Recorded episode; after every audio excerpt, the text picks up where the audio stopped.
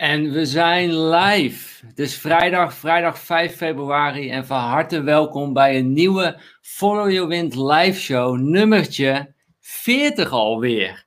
De live show to escape the red race and to live your epic life. Ja, waarom ook niet? Waarom zouden we ook niet meteen voor onze epic life gaan? Het leven is het te kort om het uit te stellen. Dus vandaag gaan we daar met z'n allen weer aan werken aan onze epic life. Goed, wat is het idee van deze Follow Your Wind live show? Nou, we praten in deze live shows over investeren en ondernemen. En we willen daar altijd graag even een disclaimertje bij plaatsen. En dat is wat wij je vandaag gaan vertellen. Het is absoluut niet de waarheid. Het is slechts een idee. En we nodigen je uit om je eigen visie te ontwikkelen. Maak jezelf nou financieel slimmer en mentaal sterker, zodat je in alle vrijheid kunt doen wat je wilt doen en wat je te doen hebt hier op deze wereld. Want dat is waar Follow Your Wind voor staat. En super tof dat jullie ook allemaal bij aanwezig zijn. En weet dat wij deze live show ook speciaal voor jou maken en met jou maken. Je bent er nu toch live bij aanwezig. Gebruik die chat. Aan de rechterkant heb je een chat. Stel daar je vragen. Als ik denk van oh, dat is een goede vraag, dan zou ik die voor jou op het juiste moment gaan uh, stellen aan onze gastspreker. Dus uh, maak daar absoluut ook uh, gebruik van. We maken deze live shows samen. En twee dingetjes die ik nog even wil uh, benoemen voordat we ja, de, onze gast gaan introduceren in deze live show. Is ten eerste, ik vind het echt super tof om te zien dat de Follow Your Wind community, Follow Your Wind de groep, enorm is aan het groeien. Afgelopen week hebben we ook weer 40 deelnemers kunnen toevoegen aan onze groep. Dat is de, de groep waarin we elkaar financieel slimmer maken en elkaar positief stimuleren naar financiële vrijheid. En je kunt je gratis aanmelden voor die groep. Die vind je op followyourwind.com slash groep. Dus tof om te zien dat er ja, steeds meer mensen zijn die uh, Follow Your Wind een warm hart toedragen. En uh, dat we echt een groep worden, een hechte groep, waarin we elkaar dus uh, stimuleren. Onwijs tof om te, te zien. En als tweede wat ik nog met je wil delen, heb je al onze Bitcoin video handleiding uh, gedownload? We hebben een handleiding gemaakt speciaal over Bitcoin. Wat is Bitcoin? Waar koop je Bitcoin? Waar verkoop je ze? Waar bewaar je ze? Wat is onze beleggingsstrategie met, uh, met Bitcoin? En hoe ontvangen wij rente op onze Bitcoins? Dus als je daar geïnteresseerd in bent, die kun je gratis downloaden via followyourwind.com slash gratis koppelteken BVH. En vandaag gaan we het dus hebben over goud. En jullie weten natuurlijk, ik ben fan van Bitcoin. Maar we hebben hier ook heel veel gastsprekers gehad. En eigenlijk wat al onze gastsprekers allemaal tegen ons zeiden, dat was spreiden, spreiden en nog eens spreiden. En daarom vind ik het ook zo belangrijk dat we vandaag in de wereld van goud gaan, ja, gewoon gaan ontdekken. En wat kan goud nou voor ons betekenen? En is goud een slimme investering? Dus daar gaan we het ook hebben, over hebben in deze live show. Waarom investeren in goud? Wat bepaalt de goudprijs? Hoe schaars is het? Uh, wat heeft historisch gezien de goudprijs gedaan? Uh, waar moeten we op letten als we goud gaan kopen? Koop je fysiek goud, papieren goud? Hoe wordt goud belast? Waar sla je het op? Nou, genoeg vragen die we hebben en die we ook kunnen gaan stellen aan onze gastspreekster van uh, vandaag. Um, en we gaan ook iets heel erg uh, leuks doen, want we gaan ook 1 gram goud gaan we ook verloten. En tijdens deze live show uh, ja, ga ik met je delen hoe je in aanmerking kunt komen voor die 1 gram goud. En uh, die gaan we verloten. Dus blijf kijken, de hele live show. We gaan weer heel veel waarde aan je bieden en we gaan er gewoon weer een hele mooie live show ook samen van, van maken. Dus Hoog tijd dat ik onze gast van vandaag ga introduceren bij jullie. Zij is een fintech-onderneemster. Uh, ze is de oprichter van Cold Republic, wat nu een van de grootste platformen in Nederland is om fysiek goud te kopen en te bewaren. Cold Republic ontving in 2010 als eerste edelmetaalverkoper ooit een AFM-vergunning. Uh, onze gast is ook het, uh, het brein achter Koop de HEMA en faciliteert dat ook met haar nieuwe bedrijf N-Exchange. Ook is ze bezig met een waanzinnige app, Stack the Future, een beleggingsapp voor de, ja, de digitale jongere generatie, maar ook heel interessant voor, uh, voor ons. Gaat ze wellicht ook nog wel iets over vertellen. En het blad de Quote noemde haar onlangs als een van hun favoriete powervrouwen Dit voor haar passie en ondernemersgeest. En jawel, vandaag is ze vanuit de quote zo bij ons terecht in de Follow Your Wind live show. Ik zou zeggen, geef haar een onwijs groot applaus. En jullie weten hoe jullie dat kunnen doen. Met dat duimpje onder die video geef je haar een enorm groot applaus. Abonneer natuurlijk ook even op ons kanaal. Uh, klik op dat belletje, dan ontvang je bijna dagelijks een nieuwe video. Geef een groot applaus voor Marleen Everts. Ja, hallo Marleen. Hey Stijn, wat onwijs leuk. Dankjewel. Ja, ik vind het ook onwijs leuk om je vandaag in de uitzending te hebben, Marleen. Dus uh, dankjewel alvast voor je, voor je tijd. En Marleen, ik moet ook iets aan je, aan je opbiechten meteen.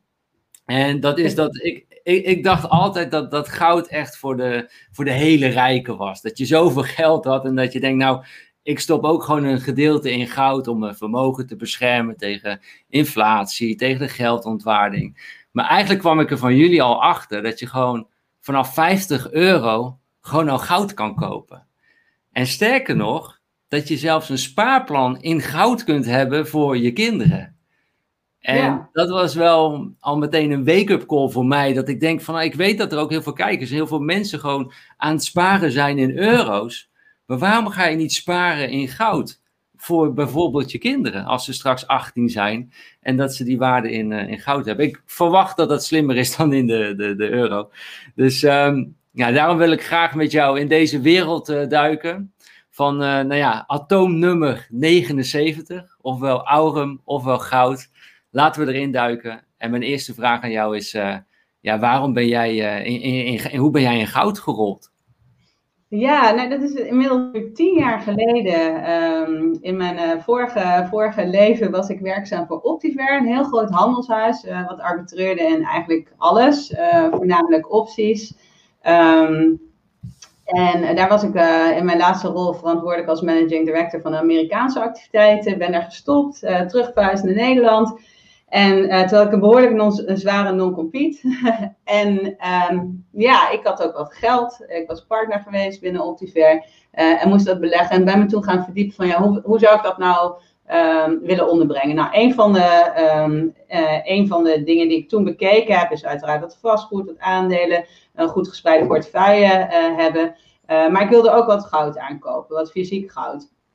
En ik kwam erachter dat dat in Nederland eigenlijk heel erg moeilijk is. Um, voornamelijk om dat op een goede manier te doen. Vooral als je eigenlijk wat grotere bedragen wilt beleggen in goud. Um, en daarnaast had ik ook wel behoefte aan, en dat, dat zie je wat, wat verderop in mijn carrière, dat, um, dat ik eigenlijk heel erg geïnteresseerd ben in beleggingsproducten die je redelijk goed kan inschatten is, die je kunt snappen in termen van prijs of risico. Dat je begrijpt welke kosten je eraan kwijt bent. Dat je begrijpt in welke, en waar je nou echt precies in investeert. Uh, dat het geen intransparante beleggingsfondsen zijn of wat dan ook. Ik hou echt van simpel, logisch.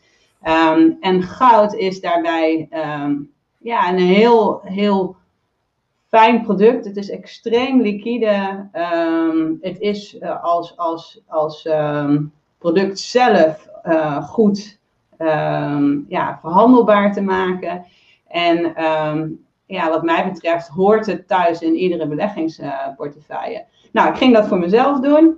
En toen dacht ik van ja, ik moest toch, moest toch even een jaartje uitzitten. Ik dacht, als ik het dan toch doe, dan, dan um, of organiseer, dan kan ik, ook, um, kan ik het ook opzetten om, op een manier dat uh, meerdere mensen daar gebruik van kunnen maken. Altijd met de intentie dat ik een jaartje later weer gewoon zou stoppen en verder zou gaan in de, in ja. de, in de optiemarkt. Nou, dat is niet gelukt, want ik vond het gewoon veel te leuk.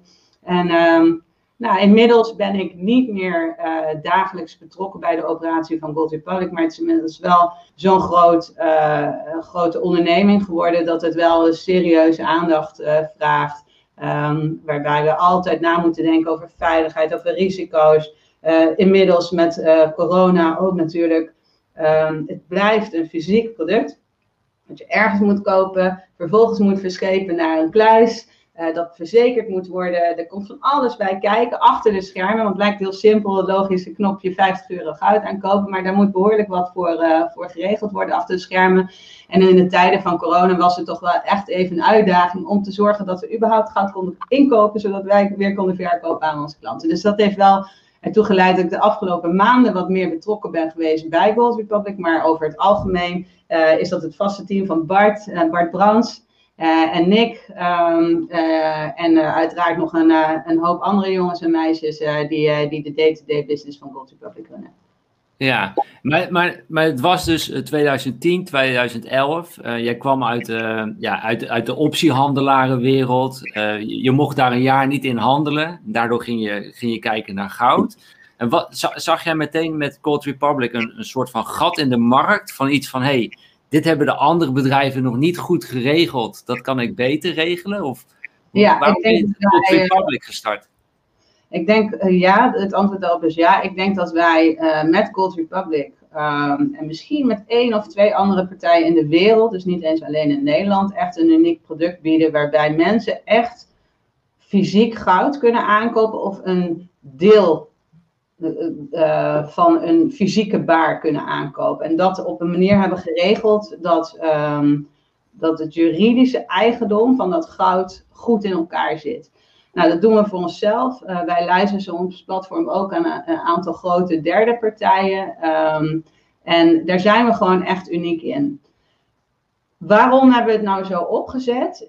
Um, als je wil beleggen in goud, dan wil je dat op de meest kostenefficiënte manier doen. Want beleggen in fysiek goud, en dus ik heb het nu niet over papieren goud of ETF's of uh, wat dan ook, of futures. Maar als je in fysiek goud wil beleggen, dan is verreweg de meest eh, efficiënte manier, kostenefficiënte manier om dat te doen, um, is dat in um, standard bars van uh, ongeveer 400 troy ounce, ongeveer 12,5 kilo is dat.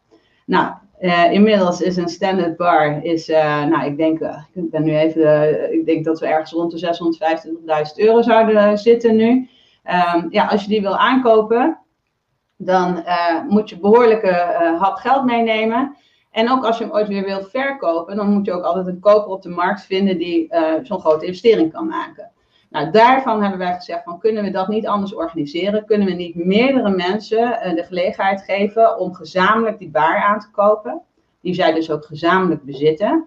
En alle voordelen van het fysieke bezit uh, kunnen hebben. En uh, het belangrijkste voordeel daarbij is als wij niet meer bestaan of als, um, nou ja, eigenlijk als wij niet meer zouden bestaan, deze gezamenlijke eigenaar gewoon de baar uit de kluis kunnen halen en kunnen bepalen wat daarmee gebeurt, dan wel omsmelten of verkopen. Uh, maar zolang als alles uh, blijft draaien, kunnen zij die baar, of in ieder geval hun, hun eigendom in die baar, 24 uur per dag, 7 dagen per week verhandelen op het platform.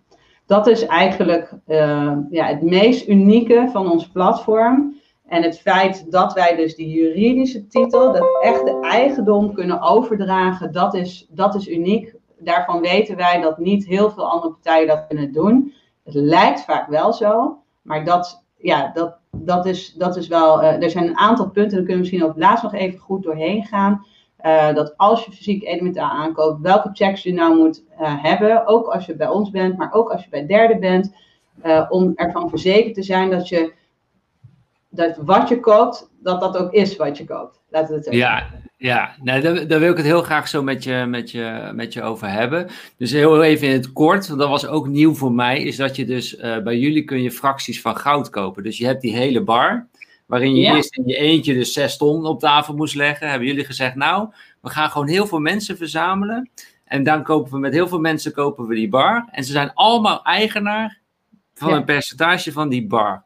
En als ze dat willen opnemen, dan, dan kunnen ze dat ook uh, uh, doen. Ja. Maar het allerbelangrijkste is dat je gewoon eigenaar bent. Je staat echt, dat is gelinkt aan jou, uh, van die, aan, aan, die bar. En daardoor kun je dus al vanaf 50 euro starten. En jullie doen Precies. dat op een effectieve ja. manier. Nou, ik wil straks er nog even op induiken van, hé, hey, oké, okay, we gaan straks goud kopen, fysiek goud, goud kopen. Wat zijn die checks?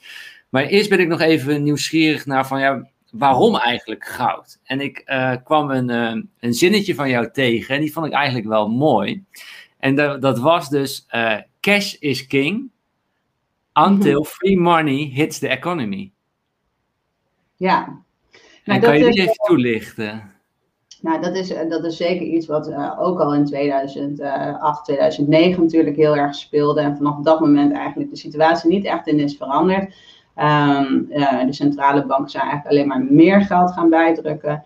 Um, kijk, als er heel veel risico in de markt komt, dan zie je vaak dat, dat, ehm, dat mensen uitstappen ehm, en weer even teruggaan naar een cash uh, portefeuille. Ehm, eh, totdat het niet meer heet onder de voet is en zij weer aandelen aan kunnen kopen, wat dan ook. Alleen wat weinig mensen zich realiseren is dat het hebben en houden van cash ook bepaalde risico's met zich meebrengt.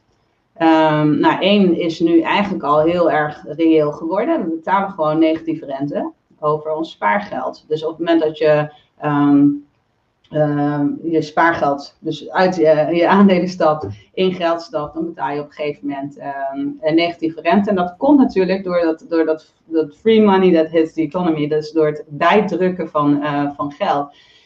het tweede is dat uh, ook inflatie natuurlijk, ja, dat wat je met, goud is echt een unieke inflatiehedge. Um, dat wat je met geld kan kopen, je geld wordt gewoon minder waard. Um, en over het algemeen doet goud het tegenovergestelde van, van, van, van geld. Op het moment dat de inflatie hoog is, stijgt de prijs van goud meestal mee. Meestal moet ik er wel bij zeggen. Ja. Dus, um, dus ja, als er veel geld wordt bijgedrukt, kun je hoge inflatie verwachten, lage rente of zelfs negatieve rente. En dan kun je denken dat je veilig zit door in cash te zitten, maar dan heb je eigenlijk best wel een probleem. Want je bezit en je vermogen wordt minder waard. En dan hebben we ook nog eens in deze periode dat het lenen van geld ook nog eens spotgoedkoop is. Dus, dus waarin je, ja, dus nieuw geld is eigenlijk ook weer heel goedkoop. Nieuw geld is goedkoop en dat is natuurlijk ook, uh, dat is op zich ook wel het beleid en de bedoeling van het bijdrukken van geld, dat de economie weer aan, aangewakkerd wordt. Um, maar ja, daar zit een prijskaartje aan uh, natuurlijk. Ja, ja. Um, je noemde net al heel eventjes uh, het woord inflatie. En ik zat van tevoren aan deze live show te denken van ja, hoe kunnen we nou eens een keer duidelijk maken dat uh, eh, 2% inflatie, dat dat echt een hele grote impact heeft op je, uh, op je leven. En ik, ik denk dat ik iets heb uh, bedacht, Marleen. Dus ik wil dat okay. graag even met je, met je delen en ook met alle, met alle kijkers. Dus ik pak heel even mijn scherm erbij. En ik dacht, we, we, moeten het gewoon eventjes zien wat het is. En ook, wat heeft goud dan gedaan in die periode? Okay. Uh, dus ik heb hier de inflatieberekening. En laten we nou zeggen, laten we even als ouder denken aan onze kinderen. En dat je zegt, ik heb nu 20.000 euro. En straks als mijn eh, kind bijvoorbeeld uh, 20 is, wil ik hem die 20.000 euro geven. Ik heb daarvoor gespaard. Ja. Uh, nou, dus dan is het, uh, het is nu 2021, dan is het dan 2041. We hebben hier een bedrag van 20.000 euro. En de inflatie is 1,92 euro per, per jaar. kijkers, laat even weten in 2041, hoeveel is ons geld nog waard? Hoeveel is onze koopkracht nog? Hoeveel kunnen we nog kopen met um, die 20.000 euro? Hoeveel is dat in euro's uitgedrukt? Um, nou, ik ga het dan berekenen. En dan kom je er dus achter dat in 20 jaar, dan heb je eigenlijk nog maar 13.000 euro 672 voor je kinderen. Dus je had 20.000 in 2021 ingestopt. En dan geef je het na 20 jaar aan je kinderen. En dan is het nog maar 13.600 waard. En je had er eigenlijk niet meegenomen, uiteraard. Nee, nee, ik heb nog niet negatieve rente inderdaad uh, meegenomen. Dus, dus, dus het is misschien nog wel meer in, uh, in, inderdaad. En toen, um, de, de, en dit is maar 2%. En dan, we hebben het vorige week hebben we het met Bert Slachter erover gehad. Van ja, dit is de, de CPI 2%. Maar uh, de huizen zijn met veel meer procent dan 2% gestegen de afgelopen jaren. Dus, hè, dus dus misschien is de inflatie wel veel meer dan, uh, dan, dan 2%. Dus toen Wat dacht ik, jeetje. Is dus om daar de prijs van goud eigenlijk tegenover te zetten. Als we nou uh, 20 jaar geleden 1 kilo goud hadden aangekocht, um, dan kostte die op 31 januari 2001 uh, 8.869 euro per kilo. Um, en inmiddels op 31 januari, sorry, 31 januari 2021 uh, kost een kilo goud uh, 48.950 euro. Dus bijna 49.000 euro. Nou, dat, dat, is, dat, is, dat is precies, ja, eigenlijk dat, dat, ik vind het altijd interessant uh, wat, wat jij nu doet. Van bepaal nou eens hoeveel geld je. Je kunt het ook anders uh, berekenen. Je kunt ook zeggen van hoeveel geld heb je, had je. Wat kostte een brood 20 jaar geleden? En hoe verhield zich dat tot grammen goud? ik noem maar wat. Misschien was een brood 20 jaar geleden 1 euro. Uh, kon je die uh, destijds voor uh, 2 gram goud aankopen. Dus, of laten we zeggen 1,60 euro, dat rekent even wat makkelijker. dan had je 2 ehm, gram goud destijds nodig, omdat het, de koers van goud toen 8000 euro was, om dat brood aan te kopen. Ehm, nou, inmiddels is de, ik weet niet, wat kost inmiddels een brood, Stijn? Uh, ja, uh, dat durf ik niet te zeggen, maar ik denk dat het, uh, zou het 2 euro, 2,50 euro zijn in Nederland? Ja, nou ja, dus dan zie je dat met die 2 gram goud, diezelfde 2 gram goud, kan je inmiddels een, een, hoop meer broden aankopen. Ja. aangezien 1 gram goud op dit moment nou, om en bij de 50 euro ligt. Ja, nou en, en Marleen, sterker nog, en dat, dat wilde ik nog even in het voordeel, uh, voorbeeld delen. Als ik dus, stel nou dat ik hier in 2001, uh, 2001 we moeten daar even de, de goudkoers op pakken, 20.000 euro in goud had gestopt. En dan 20 jaar later, dan was het dus 600% meer waard. Oftewel, die 20.000 euro voor je kinderen, dat was nu zeggen we 120.000 euro. Nou, wat vies eraf. Minimaal 100.000 euro had je ervoor gemaakt voor je kinderen. Als je gespaard had in goud in plaats van in euro's. En dat vond ik wel baanbrekend eigenlijk. Ja, dat klopt. Ik dacht, shit, waarom houden nog zoveel mensen hun geld in, uh, in euro's? Um, nou, kijk eens. Uh, denk... dat je natuurlijk um, in, in in, ieder geval zou je eigenlijk niet alleen goud moeten aanhouden. Je zou eigenlijk altijd moeten bepalen wat is je beleggingshorizon, wat, waar wil ik staan over 20 jaar, hoeveel risico kan ik nemen. En daar moet je eigenlijk bepaalde potjes op in gaan richten. Een stukje vastrentend met heel laag risico tot en met hoog risico, nou ja, uh, aandelen, uh, crypto's, wat het dan ook mag zijn. En alles wat daartussen zit. En eigenlijk zou je op die manier heel gedisciplineerd elke keer moeten zeggen: ik zorg dat ik op die manier mijn bezit, mijn vermogen opbouwt. Dat je, dat je goed, goed meegroeit met dat wat je hebt, dat wat je bezit. Dus alleen in goud beleggen zou ik niet zo slim vinden. Ehm, ik denk dat je ook altijd goed moet blijven nadenken van ja, wanneer heb ik het, uh, heb ik het geld uiteindelijk nodig en waar beleg ik het in? Dus uh, je kunt natuurlijk bijvoorbeeld vastgoed zien, maar ook wel vaak als, als, als klasse voorbij komen, wat mensen interessant vinden. Uh, maar een huis verkoop je niet zomaar als je daar toevallig in geïnvesteerd hebt. Ik zie hier iemand voorbij komen met geef je kind een Rolex. Nou, dat, dat zijn op zich ook nog best wel hele waardevaste artikelen. Um, ja, dat, dat is wel Um, dat is wel ook dat is iets om rekening mee te houden. Spreiden en ja, hoe vaak, hoe snel heb je het nodig? Kun je het geld voor een langere periode even vastzetten en voor je laten werken, uh, et cetera. Ja, en dat vind ik wel mooi met alle investeringen die je kunt, uh, kunt doen. Is dat ze eigenlijk, als je ze op een rijtje gaat zetten, ze hebben allemaal hun voordelen en hun nadelen.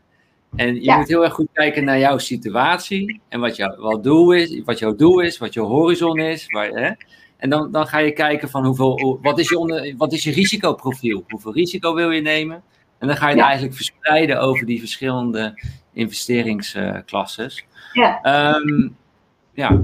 En doorgaans zie je ook dat jongere mensen dus ook iets meer risico kunnen nemen. Kijk, iemand vraagt hier van hoe snel duurt het nou voordat je, geld, eh, je goud weer hebt verkocht en dat het weer op je rekening staat. Um, dat is precies de reden waarom wij vaak veel oudere klanten hebben. We ongelooflijk veel 55-plussers die bij Gold Republic goud aankopen. Want goud is gewoon een heel liquide product. Dat kun je 24 uur per dag, 7 dagen per week verkopen. Uh, verkoop je dat op, op in ieder geval bij ons, maar je zou ook naar, nou, waar dan ook. Er zijn een hele hoop partijen die goud accepteren. Um, dan heb je eigenlijk dezelfde, uh, nou, bij Gold Republic direct uh, weer beschikking over het geld. Of als je het in een winkel verkoopt, dan heb je daarna heb je, ehm, ja, meer beschikking over het geld. Er is altijd een markt voor goud, dus dat is wel, uh, dat is wel een hele prettige. Dus het is eigenlijk heel makkelijk dan om het liquide te maken via jullie. Heel makkelijk om het liquide te maken. En niet alleen via ons. Dus ook als je beslist van ik haal het goud uit de kluis. Dat doen heel weinig klanten bij ons, maar ze doen het wel eens. Um, dan zijn er altijd wel partijen, banken of uh, als het om kleinere hoeveelheden gaat, zijn het goudwisselkantoren of wat dan ook, die bereid zijn om jouw goud in te kopen. Maar ja, let dan gewoon goed op dat je daar de juiste prijs voor krijgt. Mooi. Nou, als we over goud hè, we horen altijd goud is, uh, is, uh, is schaars. Maar hoe schaars is goud eigenlijk? Hoeveel goud wordt er nog bijgemijnd? Um, nou ja, het punt is, er is natuurlijk, um, uh, dus ja, goud, goud is een schaars product, dat klopt. Um, maar naast het goud wat wij kunnen mijnen, is natuurlijk ook heel veel goud als sloopgoud in omloop.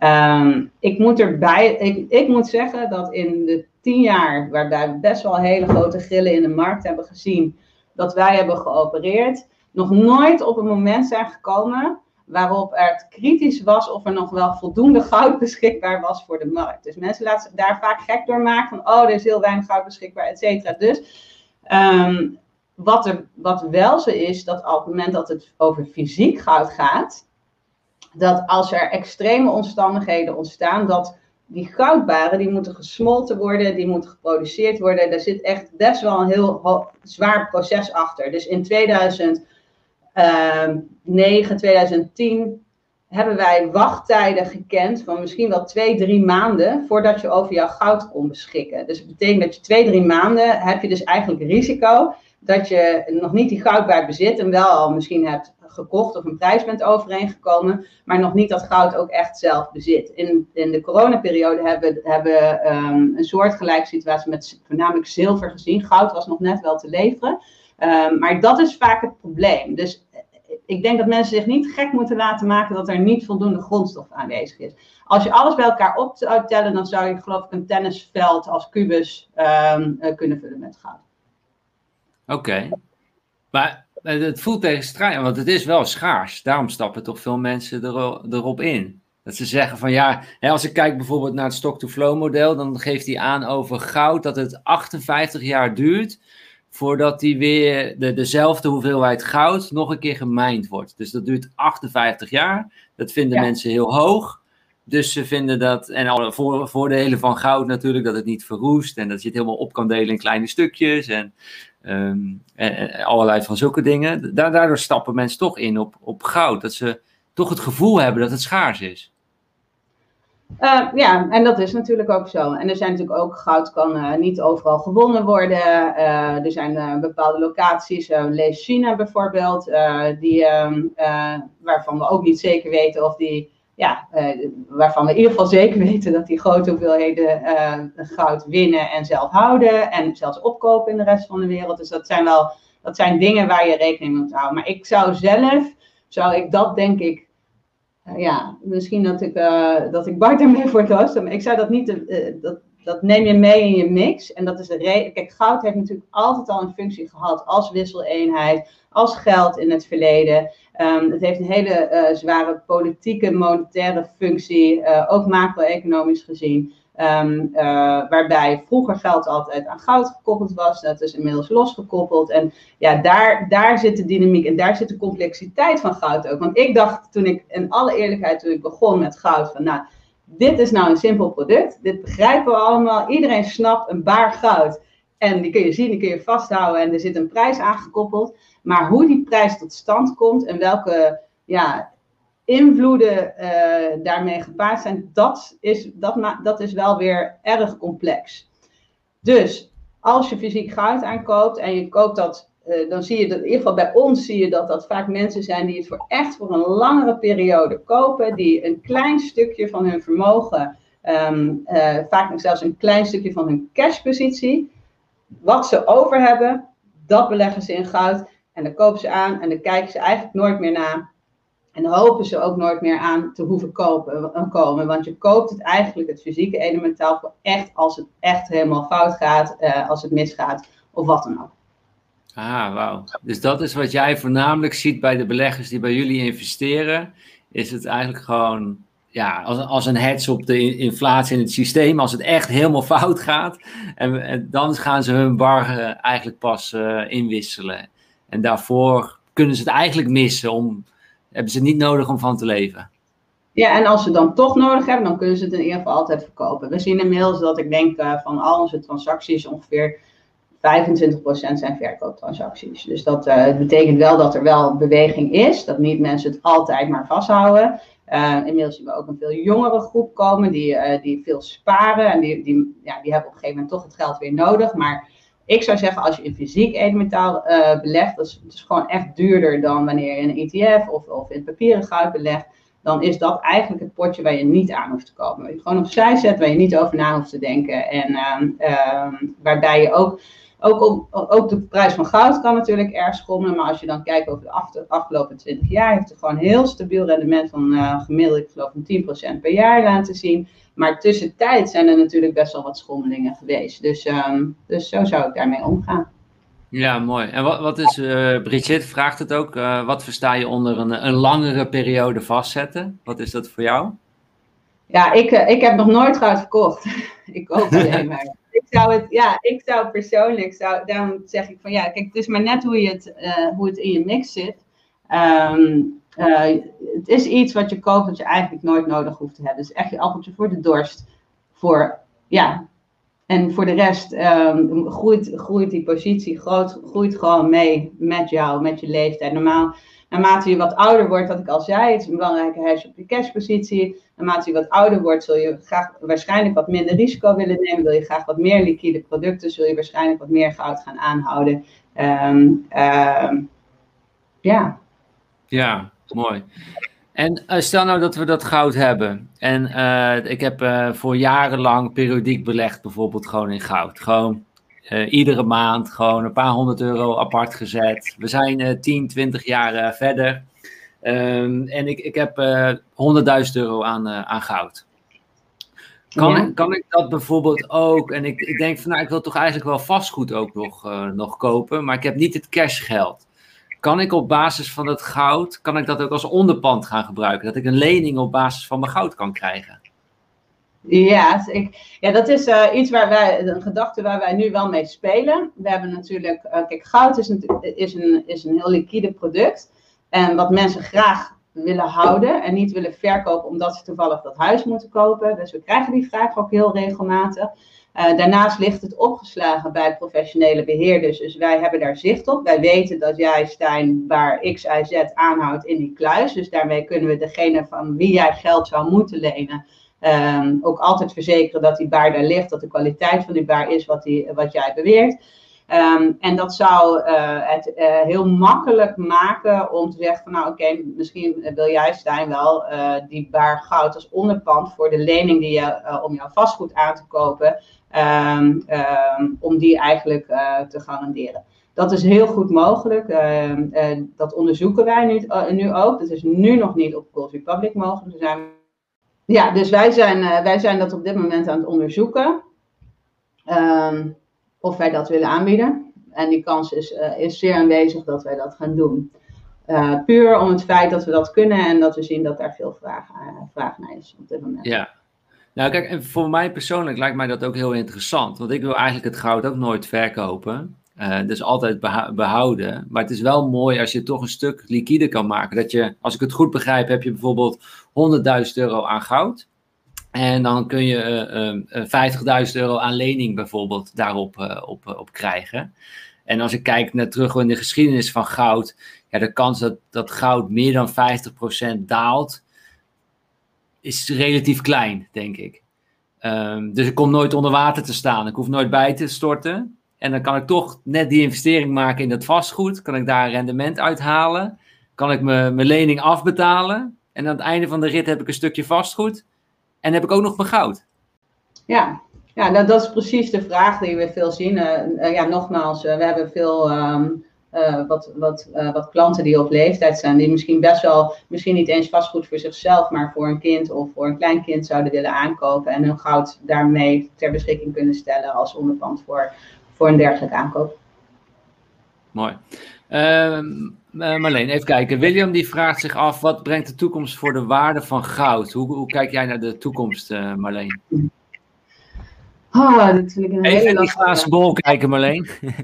ja, ik ben echt, uh, ik denk uh, in 2011 gestopt met na te denken over wat de prijs van goud nou ging doen op in ieder geval korte termijn. Ehm, omdat uh, wij de hele dag daarmee bezig zijn, de hele dag bezig zijn met uh, wat er macro-economisch gebeurt, wat, wat er, welke factoren misschien van invloed, kunnen hebben op de, op de prijs van goud. Um, um, en ik, we zitten er eigenlijk altijd naast. Uh, want juist op bepaalde momenten dat je verwacht dat die koers omhoog schiet, dan, dan gebeurt er niks, of sterker nog, hij gaat omlaag. Um, en dat, dat, dat maakt het bepalen op korte termijn van die prijs van goud gewoon ontzettend moeilijk. En dat is vaak ook niet, het is in ieder geval niet mijn reden om te beleggen in goud. Ja, dus uh, als je het aan mij vraagt van wat brengt de toekomst uh, voor de waarde van goud, koop je wat mij betreft als verzekering in voor het geval dat het niet goed gaat in de toekomst. Uh, op het moment dat het echt heel erg misgaat, dan zal je dat goud goed kunnen gebruiken Um, uh, als bescherming tegen de rest van je vermogen, wat op dat moment misschien in waarde daalt. Um, tot misschien wel veel extremere events waar we geloof, hopelijk nooit um, mee te maken zullen krijgen. En dat is, dat is wat mij betreft de belangrijkste reden om, om fysiek goud aan te kopen. Dit lijkt de, de oplossing, uh, Marleen, dus dat is, uh, dat, is, uh, dat is mooi. Ik kan jou uh, goed en helder nou zien. Dus uh, dank ja. aan het nieuwe netwerk. Um, even kijken. waar ik het graag nog even met je over wilde hebben. En dat is, uh, ik, denk, ik vind het ook wel mooi om uit te zetten voor, voor de kijkers. Is, er zijn een aantal verschillende manieren hoe je goud kunt, kunt kopen. Je, je hebt enerzijds heb je fysiek goud, je hebt papiergoud en je hebt ETF's. Zou jij dat uiteen kunnen zetten en wat de voor- en nadelen zijn tussen die, tussen die drie? Ja, um, papiergoud, uh, ook wel futures of ETF's. Um, dat, dat zijn um, rechten op, op goud. Uh, over het algemeen gaat het uh, bij een future spreken in toekomstige waarde van goud af. En veel partijen speculeren dan eigenlijk op de prijs van goud, maar zullen nooit tot levering overgaan. Uh, bij een ETF uh, heb je het over een fonds wat een hoeveelheid goud aankoopt. Dit, dat fonds geeft vervolgens weer aandeeltjes uit. En uh, dan heb je eigenlijk een aandeel in een hoeveelheid uh, goud. Dat komt alweer veel dichter bij, een, bij fysiek goud aanhouden, bij zelf fysiek goud aanhouden. Um, dat, die twee pak ik even bij elkaar. Uh, dat zijn allebei uh, mechanismes waarbij je kan investeren um, in een waardestijging en, waarschijnlijk uitgaat van een waardestijging in goud, maar waarbij je het fysieke goud niet zelf bezit, um, maar waarbij je um, via een ETF in sommige gevallen er wel bij kan komen maar waarbij je altijd uh, uh, je, je tegenpartijrisico is eigenlijk het fonds waarin je belegt. Dus heeft dat fonds dat goud daar ook daadwerkelijk liggen? Kan hij dat aantonen met kruislijsten, et cetera? Um, um, en als het dan zo is dat het fonds, nou, dat daar iets mee gebeurt en jij uh, eist jouw goud, goud op, zijn er geen andere kosten waar het fonds rekening mee moet houden voordat het fonds geliquideerd kan worden en jij recht kan hebben op dat op dat edelmetaal, want je bezit het op dat moment niet. Hetzelfde geldt voor goud futures. Wat nou als iedereen op een gegeven moment bepaalt dat hij het goud wil laten uitleveren? Um, nou ja, dan, um, um, dan kunnen we wel eens een probleem hebben, omdat gewoon uh, het aantal futures wat in omloop is een veelvoud is van het daadwerkelijke goud wat uitleverbaar is. Nou, dan gaan we één stapje, schuiven één stapje op richting het fysieke goud. Uh, binnen fysiek goud heb je eigenlijk ook drie categorieën. Je hebt um, unallocated goud. Uh, unallocated goud is, um, dat wordt vaak verkocht door uh, refiners of uh, partijen die in, in ja, vaak goudraffinaderijen. Dat noemen ze unallocated goud. Die raffinaderijen hebben goud op de balans staan. Dan wel om te verkopen, dan wel om er sieraden van te maken of wat dan ook. En daar schrijven ze eigenlijk dan een recht op uit. Maar in dat geval heb je nog steeds als tegenpartij, is het de raffinaderij eigenlijk, of de refiner die um, op het moment dat het misgaat en jij jouw geld wil, geld wil opeisen, um, dan uh, hangt het ervan af wat de, de, ja, wat de positie van, van die refiner is om, om daar aanspraak op, te kunnen maken. Vaak zijn refiners wel overheidsondernemingen uh, of in ieder geval gedeeltelijk, ehm, over, gedeeltelijk overheidsondernemingen, waardoor het risico nog steeds overzichtelijk is, maar het is, het is wel degelijk een risico en je zult nooit het fysieke goud in de vorm van een baar op kunnen halen. Althans, dat is niet de afspraak die je maakt bij het aankopen. Nou, ja, dus het goud is niet toegewezen aan jou, non-allocated. Toegewezen aan jou. Ja. Dan, heb je nog een, dan ga je nog een stap verder richting fysiek goud. Dat noemen ze ook wel pooled allocated goud. Daarmee beleg je in een pool van goud. Dat lijkt eigenlijk heel erg op een ETF. Uh, een refiner of een leverancier of een partij die, die legt dan een, een, een, stapel goud opzij. En dan kun jij met heel veel andere mensen investeren in die stapel goud. Nou, dat is, is eigenlijk niks anders dan een ETF. Die staat op de balanspositie van, um, van die partij die dat aanbiedt. In dit geval ook vaak refiners. Dus mocht het fout gaan, dan heb je, heb je misschien met z'n allen wel recht op, op, op die pool van goud. Maar hij, hij is niet jouw fysieke eigendom. Je hebt nog steeds te maken met het, de performance van een onderneming zelf. En dan heb je als laatste, en dat is allocated goud. Dat is wat wij verkopen bij Gold Republic. Um, dat is wanneer je het goud echt fysiek zelf bezit. Wanneer je, en dat kun je eigenlijk maar op één manier voor elkaar krijgen door te weten welk baarnummer jij bezit. En door zeker te weten dat er niemand anders is die datzelfde baarnummer bezit. Want dat hebben we ook nog wel eens gezien in de, in de markt. Um, waarbij goudbaren meerdere keren aan meerdere personen verkocht zijn. Of, uh, of nou ja, dat soort enge, frauduleuze praktijken. Dus als je uh, in fysiek goud, of als je in goud gaat beleggen, moet je eerst bepalen waarom je dat doet. Als je dan zegt van nou, ik doe dat puur om, om op de koers te speculeren, dan is waarschijnlijk een future of een ETF is meer geschikt. Want je gaat er snel in en snel uit en je maakt niet zulke hoge kosten. Als je het uh, voor een bredere reden doet, omdat je echt wil hedgen tegen nou, eigenlijk alles, uh, misschien ook wat bezit aan wil houden buiten het financiële systeem, dan is uh, allocated goud waarschijnlijk de beste vorm om goud aan te houden. Eén stap verder is nog dat je die baar daadwerkelijk in je chocola thuis hebt liggen. Ja. Uh, uh, dat, is, dat is hetzelfde. Het uh, juridisch eigendom komt dan overeen met het, en het allocated goud. Alleen ehm, dan moet je wel echt verdomd goed gaan kijken. Heb je het goed verzekerd? Um, heb je geen risico's op diefstal, et cetera? En dat zijn voor mij eigenlijk nooit, is nooit een optie geweest. Ik wil daar wil er gewoon rust in hebben. En op het moment dat je het ooit moet verkopen, is er dan een partij die het van je wil kopen tegen een redelijke prijs. Want een partij die het wil kopen is eigenlijk altijd wel. Um, maar zijn die ook bereid om het terug te kopen? Vaak zien wij dat uh, de goudwisselkantoren bijvoorbeeld, die vragen soms wel 5 tot 10 procent marge op het terugkopen van goud. Dat heb je niet zo in de gaten, want je staat op dat moment in de winkel en dan vraag je de prijs van goud op. Nou, zij hedgen dat direct, zij zetten dat direct dicht. En jij maakt eigenlijk gewoon 10% verlies op, jouw uh, op jouw transactie. Ja, dus eigenlijk als we voor de lange termijn willen gaan en je wil het echt gewoon toegewezen op, je, ja, op jou als persoon hebben, dan ga je voor fysiek allocated uh, gold ga je dan. En daar moeten we dus heel erg op letten dat die, uh, dat die barnummer ook juridisch op ons nummer, op onze naam staat gewoon. Ja, dus je hebt twee dingen is die bar geleverd aan jou? Want je kunt wel een barnummer krijgen, maar als het, het juridische proces van levering niet goed is georganiseerd, en zeker als dat op afstand gebeurt, want bij Gold Republic houden mensen goud aan in bijvoorbeeld Frankfurt of in Zwitserland of in Amsterdam. Op het moment dat die baar geleverd wordt, neemt die kluis hem namens jou in ontvangst. Dat is een juridisch proces, een juridische transactie die goed, goed georganiseerd moet zijn. Dus dat kun je altijd opvragen bij een, eh, bij een partij. Hoe hebben jullie dat gedaan? Hoe hebben jullie dat georganiseerd?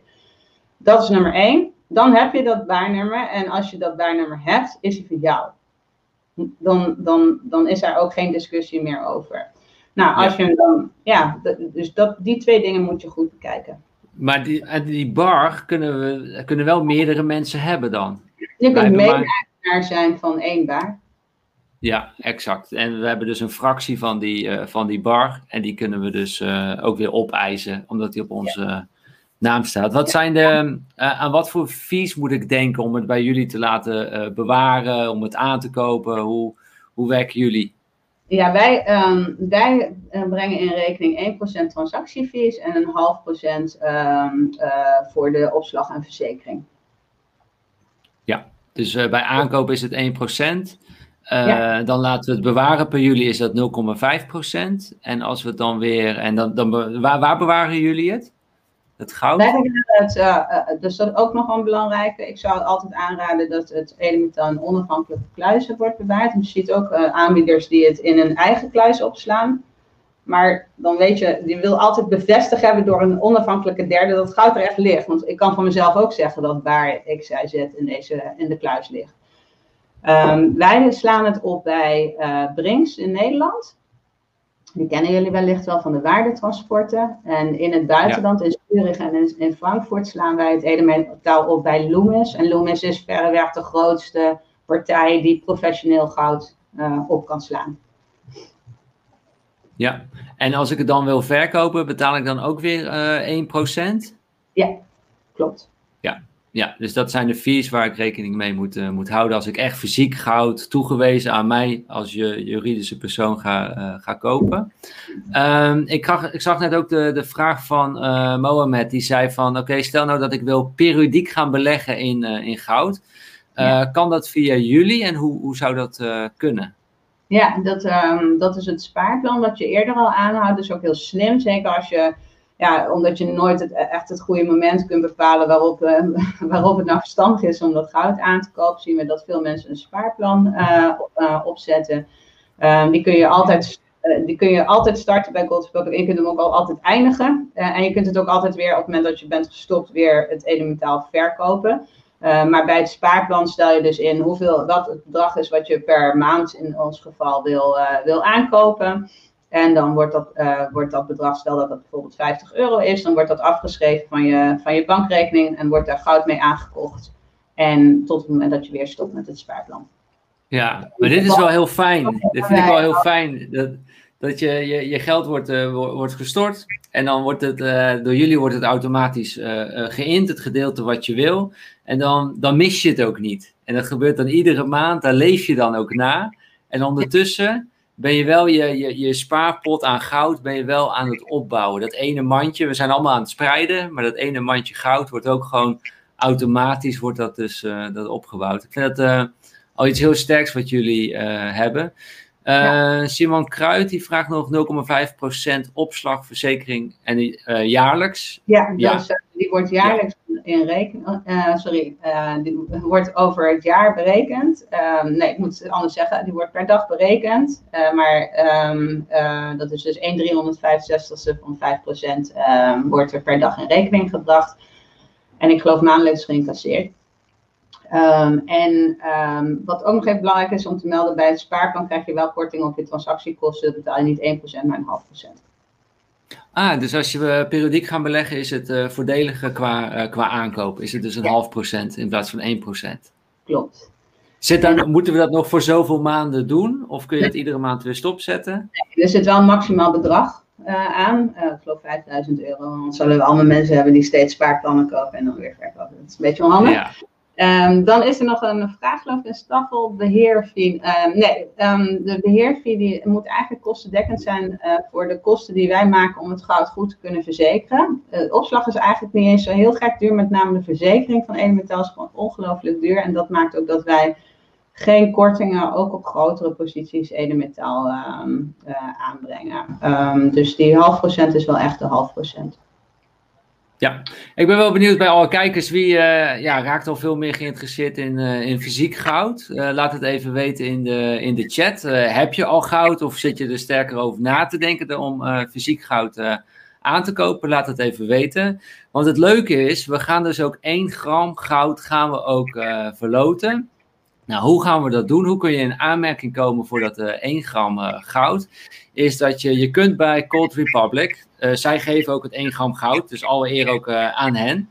Maar je kunt dus bij Cold Republic kun je een, gratis kun je een account aanmaken. En dat kan je doen via onze, via onze link. Dat is followyourwind.com slash Cold Republic.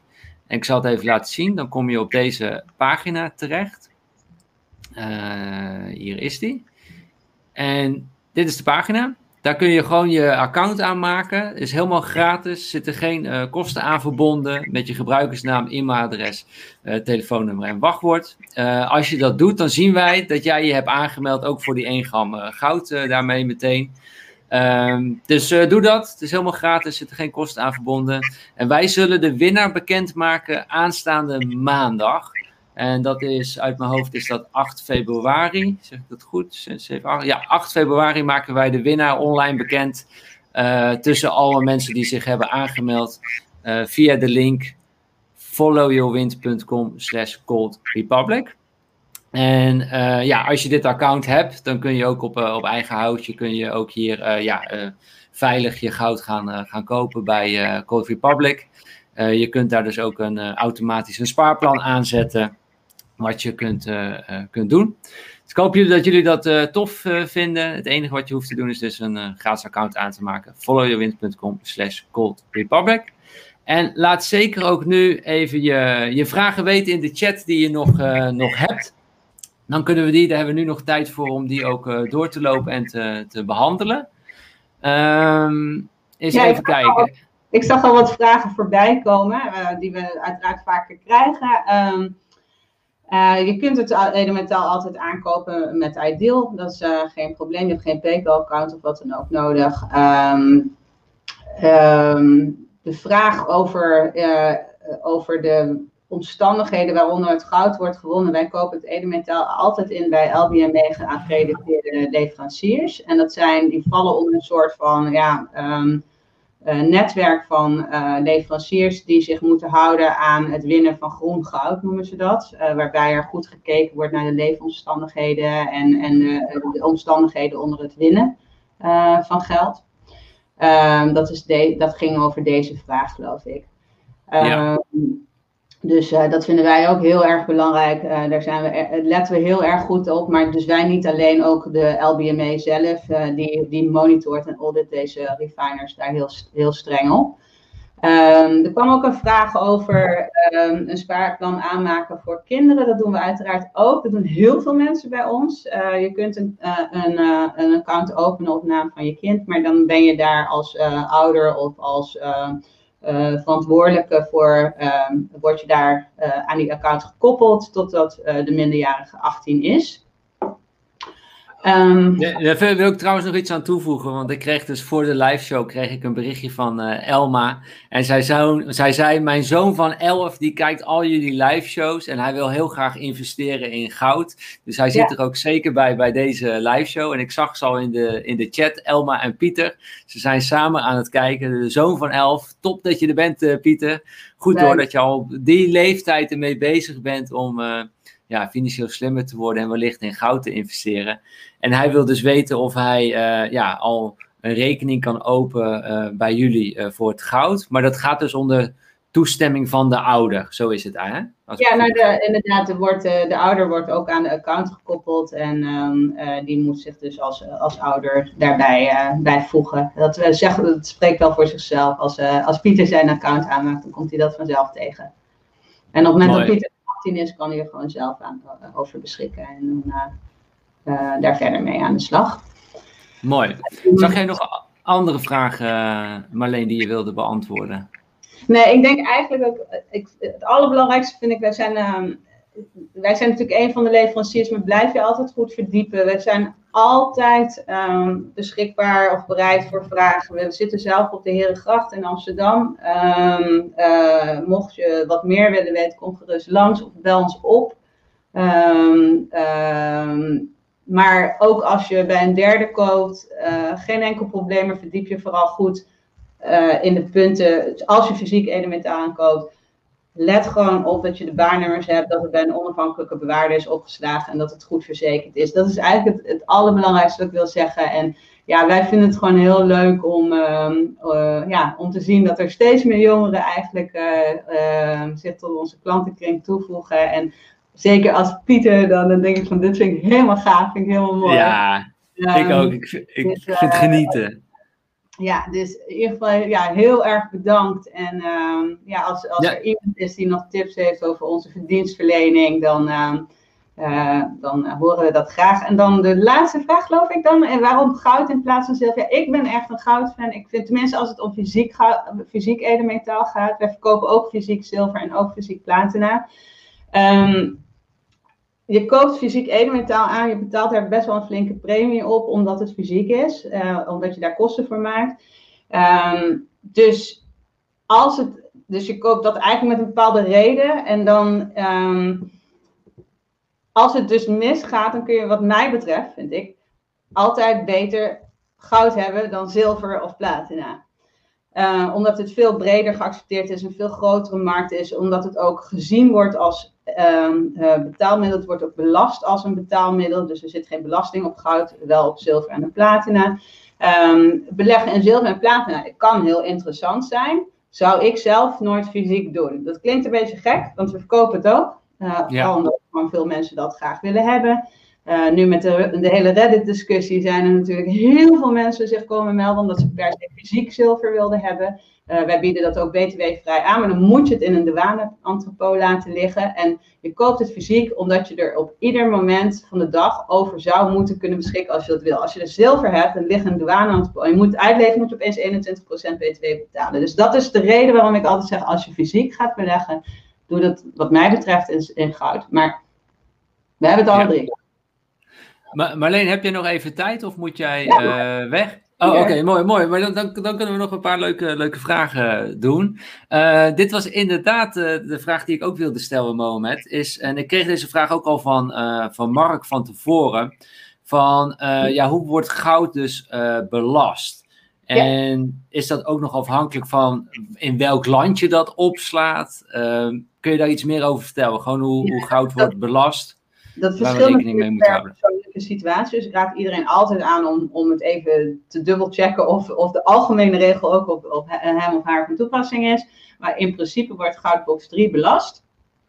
Um, en uh, dus het wordt als vermogen gezien. Wij hebben zelf geen um, uh, vanuit Gold Republic, maar je bent wel, uh, er wordt wel van je verlangd dat je dat opgeeft in je belastingaangifte. Uh, verder geven wij wel altijd een jaarafschriften, dat je goed kunt zien wat was mijn edelmetaal op, op, eh, op het einde van het jaar en op het begin van het jaar waard, zodat je dat makkelijk in je aangifte mee kan nemen. Ja, en als we kijken naar uh, zilver, dat bewaren jullie juist in andere plekken, bijvoorbeeld in Zurich, ook vanwege de belasting, toch? Ja, dus uh, we hadden het net over vermogensbelasting. Uh, uh, bij zilver hebben we ook te maken met BTW. Uh, zilver wordt als grondstof gezien uh, door de fiscus. Um, en daarom moet je er BTW over betalen als het in het vrije verkeer komt.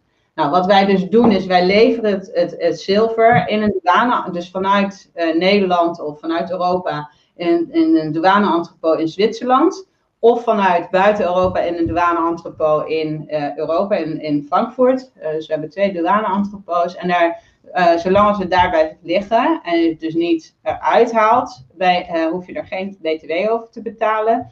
Um, uh, maar dat betekent dus op het moment dat je het er wel uit wil halen, dan breng je het dus in het vrije verkeer en dan reken je gewoon netjes de 21% belasting af ehm, over het zilver. of tenminste de belasting op, in het land, die van toepassing waar je het uit laat leveren. Ja, de BTW. Ja, ja, exact. Uh, maar op goud zit dus geen omzet-BTW, uh, geen omzetbelasting. Ja, dat, noemen ze vrijgesteld van BTW, om, eh, want goud ja, wordt als, als, als, ja, vanuit, vanuit de historie eigenlijk als, als munt als currency gezien. Ja, mooi. Dus op goud geen omzetbelasting, maar alleen box 3 uh, belasting als je uh, resident bent uh, in Nederland. Dus voor, voor Nederland. Um, dat, dat, vroeg ik me natuurlijk ook af. Stel nou dat je in het buitenland woont, kun je dan bij Gold Republic ook gewoon je goud kopen? Ja, ja in principe tenzij je echt uit een risicogebied komt, dan niet. Um, dus de blacklisted countries accepteren wij niet.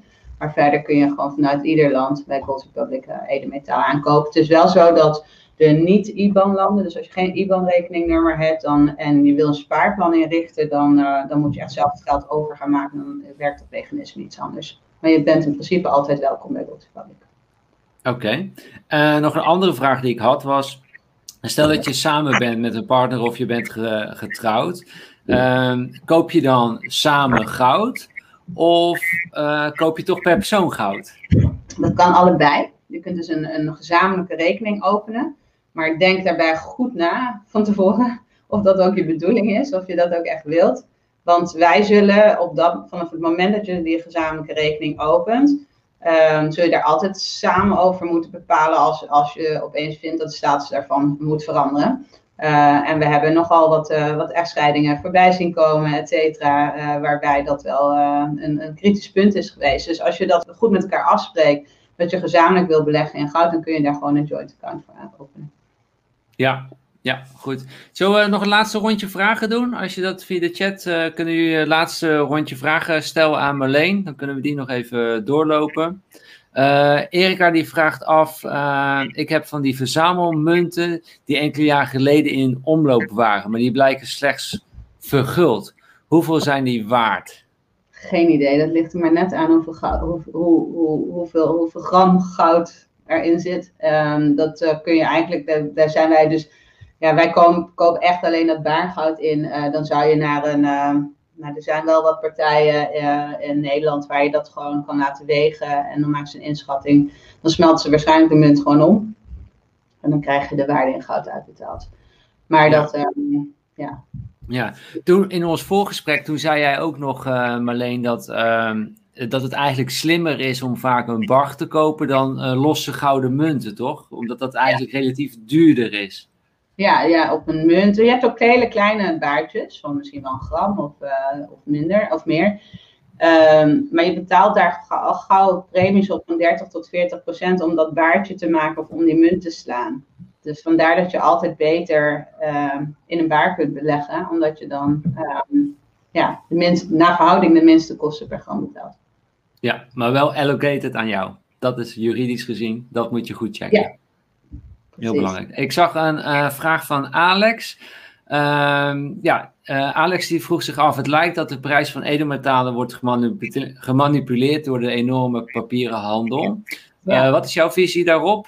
wie doet dat en hoe kan dat tot een einde komen? Ja, er zijn, um, nou, de, ik, ik, ik stel mezelf zeer de vraag of dat ooit tot een einde kan komen. Ook omdat goud natuurlijk een heel zwaar politiek karakter heeft. Uh, je kunt je voorstellen als, als goud heel veel waard wordt, dat dat niet zo heel lekker is ten opzichte van, van, de, uh, ja, van de euro's of de dollars die we hebben om mee te betalen. Um, dus er zijn enorm veel krachten van buitenaf die invloed hebben op de koers van goud. En waarbij er ook wel voor, voldoende voorbeelden, voorbeelden te noemen zijn waarop in ieder geval een uh, marktmanipulatie vermoed wordt.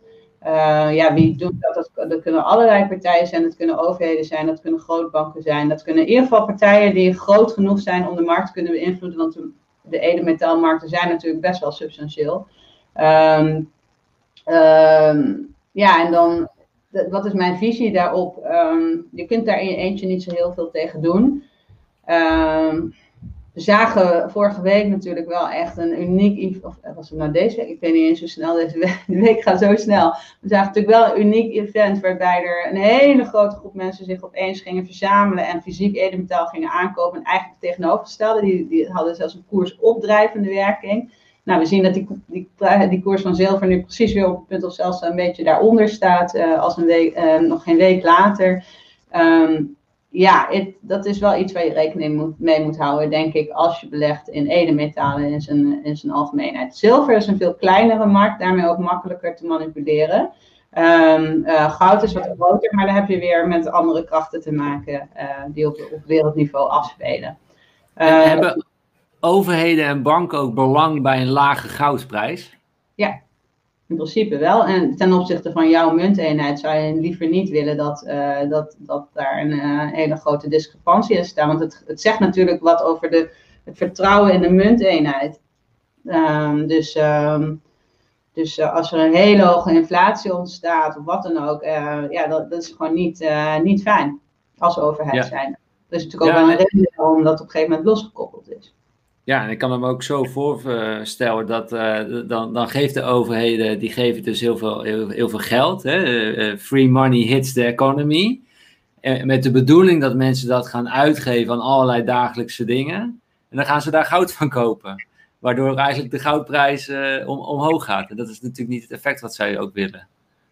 Ja, Ja, nou ja, ik echt, uh, maar nogmaals, het, ik ben zelf niet, um, je hebt natuurlijk mensen die echt, eh, echt wel uitgaan van het allerergste. Um, trouwens, er zijn niet alleen goudmarkten, er zijn natuurlijk heel veel markten die gemanipuleerd worden, maar ja, goud is gewoon een, een speciaal goedje in het geheel. Waarbij zeker, als het onrustig wordt of als mensen zenuwachtig worden, gaan ze naar goud. En daar, dat, je ziet vaak al een, iets gebeuren. Nog voordat het op Twitter verschijnt, zie je dat vaak al terug in de koers van goud. Dus het is, het is wel een, een ja, het is een, uh, een, een, een beleggingsklasse of een, een product waar mensen, waar, waar wel veel om, omheen hangt. Maar ja, je kunt je daar helemaal gek door laten maken. Ik ben daar wat nuchter in. Ik vind gewoon, zorg voor een goed gespreide portefeuille. En beleg ook wat in goud. En naarmate je meer cash aanhoudt, zorg dat je goudpositie daarin meegroeit. Dat is eigenlijk een beetje mijn, uh, mijn aanpak daarin. Mooi, dat, vind ik, dat, dat, is, uh, dat is heel mooi. En um, kijk, goud, wat ik wel inzie, is dat goud heeft natuurlijk wel een hele lange historie. Hè? Het, is al, het gaat al duizenden jaren uh, mee. En als je dat bijvoorbeeld vergelijkt bijvoorbeeld met een bitcoin, ja, dat is er pas tien jaar. Dus dat heeft een hele andere geschiedenis. En is ook, ja, kent ook weer andere risico's met zich mee. Brengt dat met zich mee. Ja, ze zitten natuurlijk wel uh, beide in dezelfde hoek. Uh, uh, beleggers in, in de bitcoins en beleggers in goud vinden wat van het monetaire systeem. En, en daarmee zien, zien we dat veel crypto-beleggers maar voornamelijk bitcoin-beleggers um, zich aangetrokken voelen tot goud en wellicht ook andersom. Um, maar ja, het zijn twee totaal verschillende producten natuurlijk. Dus, um... Absoluut, absoluut. En weet je waarom ik eigenlijk uh, eerder in bitcoin ben gestapt dan in goud? Nee. En, en dat klopt dus achteraf niet. Maar omdat voor mij, nou een beetje een nerd ben ik dan en ik hou van techniek en online. En voor mij was het dus makkelijker om, om uh, bitcoin te kopen. Ik dacht, ja, ik zag dat digitaal op internet. Ik betaal gewoon. Dat, dat leek, mij, dat leek mij gewoon veel makkelijker dan fysiek goud. En waar moet ik dan dat bewaren? Um, ja, en daarom heb ik het niet gekocht. Terwijl ik er dus nu achter kom. Dat lijkt er wat. ja, ja, terwijl ik er dus nu achter kom dat je gewoon via een automatische uh, incasso of gewoon via iDeal kun je gewoon goud kopen. En het wordt gewoon bewaard voor je. Natuurlijk betaal je daar iets van, eh, van premie over. Hè, eh, voor de verzekering en voor de opslag, er zit ook werk in. Uh, maar het, is wel, het heeft mijn ogen geopend. En terwijl, kijk, Bitcoin heeft natuurlijk voor mij, dat, ja, dat kan ik op inzetten en dan, dan heb je een kans op een hoog rendement. Maar er zitten ook andere risico's bij dan goud, snap je? En daarom vind ik het ook goed om, om te gaan spreiden. En dat ik ook goud in mijn portefeuille heb. En als ik dan terugkijk, ik wist dat, dat goud de afgelopen 20 jaar gewoon 9,4% is uh, gestegen per jaar. denk ik van wauw. Dat, uh, ik wist niet dat het zoveel was. Ik dacht eigenlijk dat het minder was, dat het maar een paar procenten was. En uh, ja, wat ik ermee wil zeggen is van dat ik, ja, dat ik ook goud in mijn portefeuille ga, ga aanbrengen. Gewoon om die spreiding te hebben. En met sommige ga ik klappers maken. Maar sommige bescherm ik me gewoon tegen inflatie of tegen gekke dingen die gaan gebeuren in de wereld. Een gedeelte hou ik in cash. Maar gewoon een, een betere spreiding ga ik, uh, ga ik aanbrengen. Dus uh, dankjewel daarvoor, uh, Marleen, dat je ja, dat geleerd hebt bij mij in ieder geval. Ik ben benieuwd hoe de, de kijkers erover over nadenken. Ehm, ik zag hier nog heel veel een vraag van, of een reactie in ieder geval van Joost. Uh, die zegt, uh, super interessante show weer. Straks gelijk een account aanmaken en de gespaarde centjes voor de kinderen omzetten in, uh, in goud. Um, nou, hartstikke mooi Joost, maar doe het met beleid. Hè? We hebben het gehoord, verschillende potjes. Denk meer in percentages, wat je in goud, in cash, in bitcoin, in aandelen, in real estate hebt. ik denk dat je meer in percentages moet denken en dat je dan um, ja, gewoon je risico spreidt en een, eh, een, een, be, ja, een beheerste beslissingen uh, neemt ook. Ik denk dat daar Marleen zich ook wel bij kan aansluiten, of niet Marleen? Zeker. mooi. Ik, Nicole, jij wilde nog een vraag van iemand anders doen? Die je net in beeld bracht, volgens mij. Ja. Uh, Jos, die vraagt zich af, wat vind je van de mening van Michael Saylor dat goud op middellange termijn te dood is opgeschreven? Dat er massa-adoptie komt van uh, de bitcoin en grote beleggers bitcoin als safe haven uh, gaan zien in plaats van goud. De eeuwige strijd misschien wel tussen, die, ja, tussen ja, bitcoin en goud. Ja, ik voel die strijd eigenlijk niet zo. Ik vind bitcoins heel interessant. Ik denk dat het uh, dat er zeker ruimte is voor een cryptomunt waarmee we wereldwijd zeg maar gewoon kunnen betalen, kunnen nou eigenlijk kunnen beleggen. Je hebt bitcoin als betaalmiddel, uh, bitcoin als beleggingsmiddel natuurlijk. Um, ik denk dat ik, ik, ja, in alle eerlijkheid, ik denk niet dat een bitcoin ooit het politieke karakter van een goudbaar kan krijgen. Geloof ik gewoon niet. Dus, ja. Ehm, dus dat, dat, is wel, dat is wat ik ervan vind. Maar ik, vind dat die, ik denk dat die twee naast elkaar wel. Ze, hebben, ze concurreren in, in zekere zin wel een beetje met elkaar. Dus je ziet wel in de tijden dat de cryptomunten hele, hele erge opgang uh, hadden, kregen wij gewoon, had, had, dat effect op de vraag naar goud. Um, vooral omdat ze eigenlijk een beetje met, de, met dezelfde redenen uh, gekocht worden. Um, nou ja, daar, daar, uh, maar het is ook daarmee het, ja, het is veel volatieler. Het is veel. Um, het is gewoon een hele andere markt. Ik kan ze eigenlijk niet vergelijken met elkaar, als ik heel eerlijk ben. Dus ik, um, ik ben daar niet. Uh, ik, ik, ik, vind, ik vind het eigenlijk gewoon een, een, vrij. Als ik heel eerlijk ben, een beetje een kortzichtige mening. Ik denk dat je die niet zo kan stellen. Dat weet je helemaal niet. Er is dus zo ontzettend veel wat daarmee samengaat. ik denk het niet. Ja, exact. En ik, ik, merk dat heel vaak in de Bitcoin community dat het zo uh, uh, zwart-wit wordt bekeken. Het is aan of uit. Het is alleen Bitcoin of niks. Maar, de, maar er kunnen ook dingen in de wereld gewoon naast elkaar heel goed leven. En uh, die jarenlang met elkaar mee kunnen gaan. In ieder geval, dat is hoe ik erin uh, sta. En waar ik steeds meer achter kom, is gewoon. Er zijn. Je, je, het is zo lastig om te voorspellen alles. Je, je kunt het eigenlijk niet voorspellen. Gewoon. Ja, en daarom. Die je jezelf kan stellen van ja, in hoeverre zouden, ik noem wat, um, uh, landen die grote goudposities hebben, China, uh, Amerika, nou, Rusland waarschijnlijk, hoe hoeverre zouden die bereid zijn om een goudpositie in te ruilen voor bitcoins? Ja, ik, ik zie dat gewoon niet gebeuren. Dus daarom denk ik dat het zijn soort twee zulke verschillende dingen. Je ziet wel een hele grote massamarkt in het bitcoin stap. Dus dat is weer, nou, misschien komt er wel een nieuw coin uit, weet ik veel. Echt, dus het is, het is ja, um, denk dat ze gewoon naast elkaar uh, een functie hebben. Exact, exact. Daar geloof ik ook in. En daarom vind ik het, uh, nou ja, dat, dat beschrijven wij ook in onze Bitcoin-handleiding, is onze strategie is gewoon periodiek beleggen, omdat je de markt gewoon niet kan voorspellen. En dat het heel moeilijk is in te schatten wat is het hoogste punt, wat is het laagste punt. En wil je daar wel alle tijd ook aan besteden en kun je dat wel goed? Weet je, er zijn mensen die zijn er dagelijks mee bezig, maken goede analyses en zitten er nog steeds naast. En eigenlijk waar ik telkens achter kom is gewoon periodiek beleggen. Gewoon een vast bedrag, vast percentage van wat je verdient in, in bitcoin. Een deel in goud, een deel in, in vastgoed, een deel in aandelen, een deel om van te leven en een deel gewoon in cash. En eigenlijk als je dat gewoon op jonge leeftijd eigenlijk al mee start, dan heb je gewoon denk ik in, in, in 20 jaar heb je gewoon een, een hele gedekte, relaxte positie opgebouwd gewoon. Ja, ja, dat is echt het, compa het compounding uh, effect. Hè? Dus uh, wacht er gewoon niet te lang mee. Gewoon uh, zet dat kleine stukje opzij. En, en blijf dat gewoon heel gedisciplineerd, gestructureerd doen. Ga niet lopen gokken. Bepaal wat je wil bereiken op een hele langere periode. En, en, en maak daar een plan voor, voor jezelf.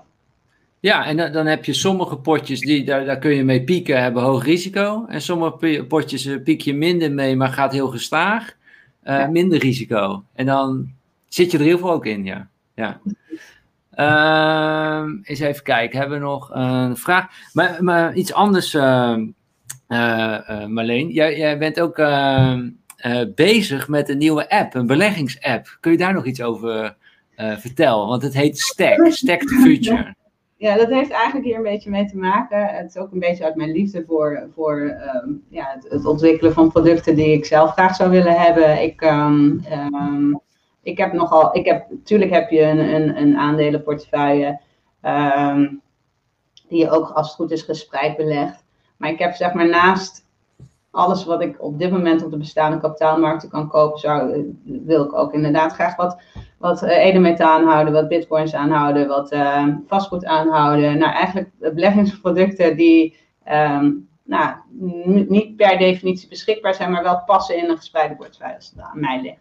Nou, daar zijn wij nu eigenlijk een, um, een uh, ja, eigenlijk een, een, een appje voor het bouwen. Die heet Stack Your Future. Waarbij je inderdaad juist voor de langere termijn zegt van nou, dat is dus niet. Het viel mij gewoon heel erg op dat er heel veel jongeren zijn die alleen maar in goud en alleen maar in crypto zitten. En ik denk nee, je moet wel zorgen dat je en wat breder, breder spreidt. Dus dat je ook wat vastrentende producten hebt. Misschien uh, bijvoorbeeld de groene obligaties zijn gewoon hele mooie producten. Nou, dat klinkt heel saai, maar die zijn nou, vrijwel zeker dat je je geld wat je er ooit in, besteed, in inlegt uh, terugkrijgt. Uh, uh, door de manier waarop ze georganiseerd zijn. En je hebt gewoon een vaste rente over die je iedere maand gewoon bijgeschreven krijgt.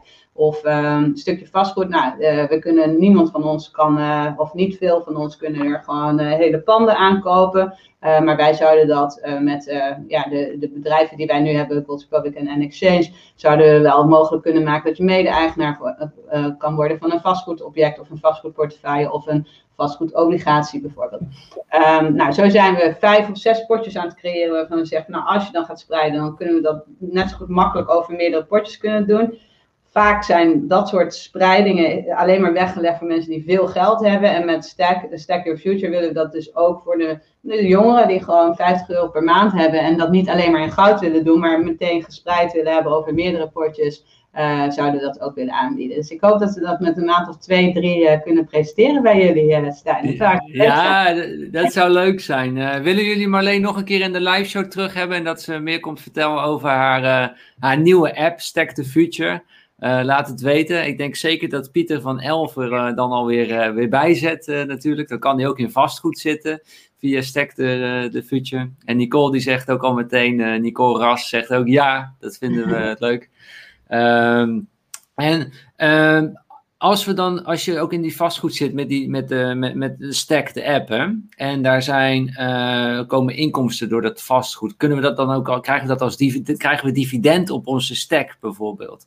Ja, dus dat, uh, dat, ligt eraan of we zijn nu goed aan het kijken naar wat moet die mix van die vijf of zes potjes nou zijn.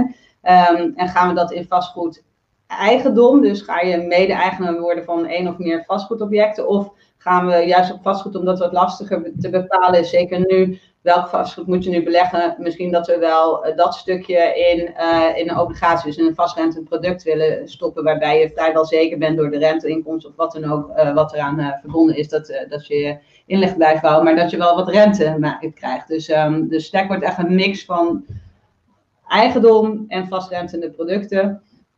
Um, als je uh, dan een rente of dividend krijgt, krijg je dat uiteraard uitgekeerd op, jouw uh, op jouw stack. En die kunnen we weer herstekken, laat ik het zo maar even noemen. Of gewoon uh, gebruiken en opeten. Of zo. Ja, inderdaad, maar we, we kennen allemaal het compounding effect en hoe exponentieel dat kan, uh, kan groeien. En zeker als jongeren zou ik dat echt uh, stimuleren om uh, dat verder uit te zoeken. Compounden, zoek het eens op. en als je dat via Stack automatisch kan doen, dat gaat echt heel hard.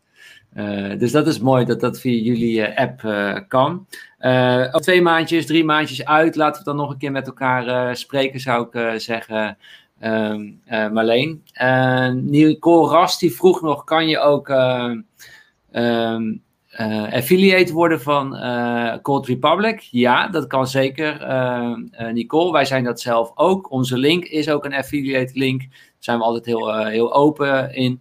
Um, dus ja, kun je gewoon worden via de, de, de, de link op Cold, Ga naar coldrepublic.nl en dan kun je ook affiliate worden.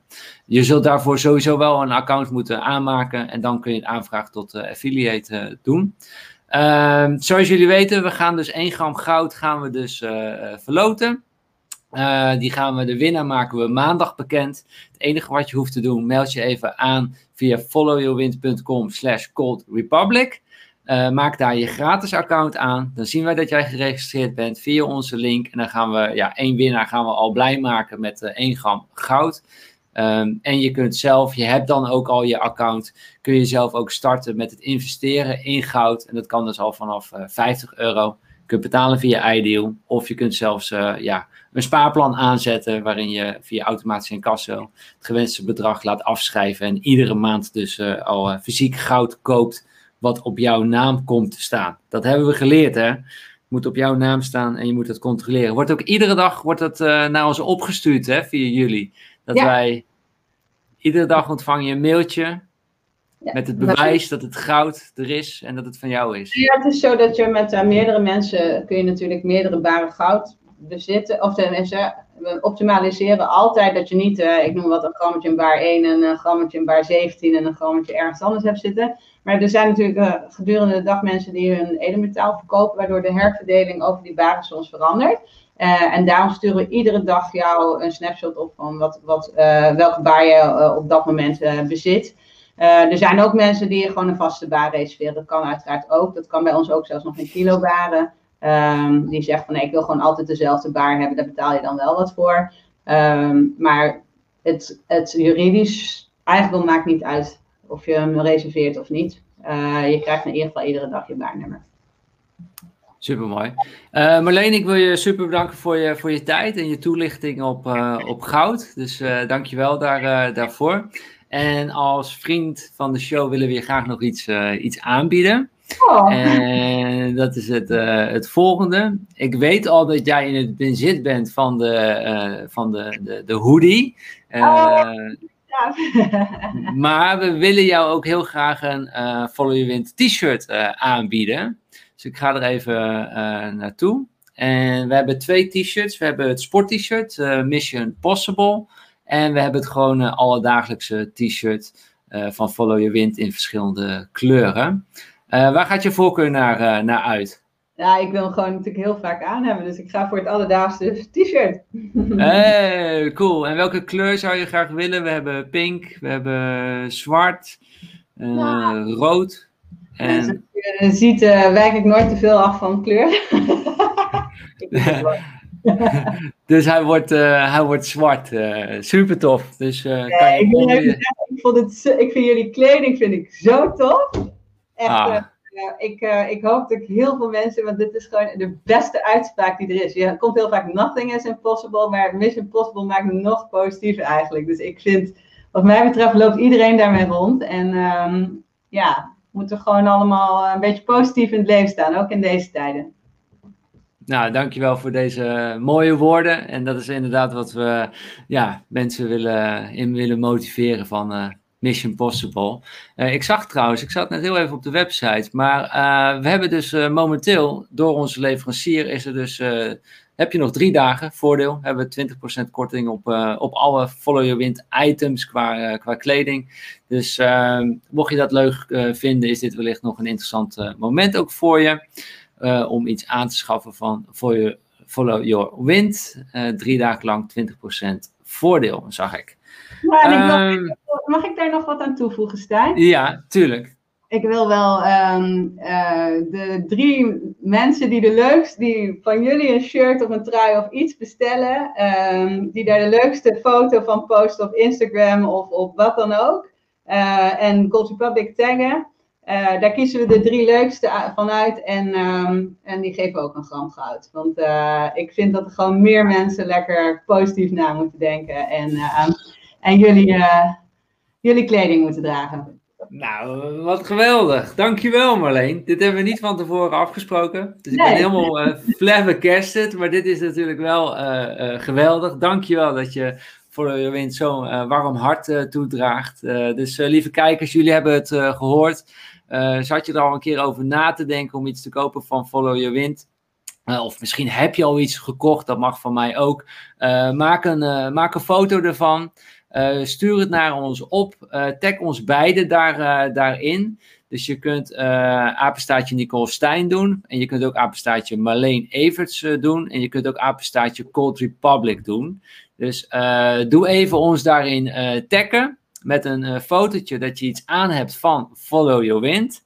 En de drie leukste, die gaan we dan ook belonen met een, een gram goud allemaal. super bedankt Marleen, geweldig. Dat is echt... hey, dan moet ik nu gaan rennen. Echt, uh, ja. Is goed. Is goed. Uh, dankjewel Marleen. Doei doei. Oké, okay, bye bye. Uh, spreek je. Doei. Zo, lieve kijkers, wat een enorme mooie verrassing van uh, Marleen. Ik hoop dat jullie dat ook leuk vinden. Shinen in je outfit en grammen goud verdienen, zoals Alex dat zegt. Simone zegt, wow, wat lief. Ja, het is echt super mooi, Simone. volgende week zijn we er ook weer. vrijdag 12 februari om uiteraard 12 uur zijn we er weer. We hebben een oude bekende uitgenodigd. Jullie hebben daarom uh, om gevraagd om nog een keer Cherry, Cherry Stocking in de, de live show uh, te hebben. de man die alle wegen kent om vastgoed te financieren. Hij heeft ons afgelopen keer al helemaal bijgepraat over hoe je ja, vastgoed kunt, kunt financieren, wat voor mogelijkheden er zijn. En niet alleen bij de bank, maar ook andere mogelijkheden die er, die er zijn. En weten jullie nog dat hij tijdens die live show en dat was eind uh, eh, 2020. Zei hij van ja, ik ben ook een challenge aangegaan om elf panden zelf te kopen um, in drie maanden tijd. Om het te laten zien welke verschillende financieringsmogelijkheden er zijn om vastgoed te kopen. Ook al heb je niet al het eigen vermogen, om toch dat vastgoed uh, te kopen. En daar komt hij nu over, over praten, hoe die drie maanden zijn uh, verlopen. En ik kan je al een, ja, een hoe zeg je dat, een, een iets uit de sluier laten, laten zien. Ik kan er even niet opkomen, maar een tipje van de sluier, dat was het. Die zocht ik even, uh, kan ik al met je delen. Het, uh, het is hem gelukt. Hij heeft in anderhalve maand tijd, heeft hij elf panden heeft hij gekocht. En wij zijn natuurlijk wel razend benieuwd, hoe heb je dat gedaan? Hoe heb je die goede deals gevonden? Hoe heb je het gefinancierd? Uh, hoe kon je sommige panden zonder eigen vermogen kopen? Waar ben je tegen aangelopen? Wat ging goed, wat ging niet goed? Hij heeft al een beetje met mij gedeeld. Het ging niet allemaal vanzelf. Het was niet makkelijk, maar het is hem wel gelukt. En hij komt ons updaten hoe hij dat heeft gedaan. Dus ik hoop dat jullie dat weer uh, onwijs interessant vinden. En dat we daar ook met z'n allen weer van kunnen, kunnen, kunnen leren. Van ja, we zijn hoe meer mogelijk is. Gewoon mission possible. Er is zoveel mogelijk dan dat we, uh, dan we denken. En uh, ja, voor mij heeft Jerry iets gedaan wat ik als onmogelijk verwachtte om dat zelf te doen. Maar het kan dus wel. Hij heeft het ook gedaan. Dus ik ga er zelf ook weer veel van leren. En ik wil jullie daar graag weer voor, uh, voor uitnodigen om ook uh, bij te zijn. Uh, dus ehm, volgende week vrijdag, 12 uur. En dat is 12 februari. Ik hoop je dan weer te zien. Iedereen super bedankt voor dat jullie er weer bij waren. Dat jullie weer van zulke goede vragen hadden. Dank je wel daarvoor. En ik zie jullie volgende week vrijdag. Ciao, ciao.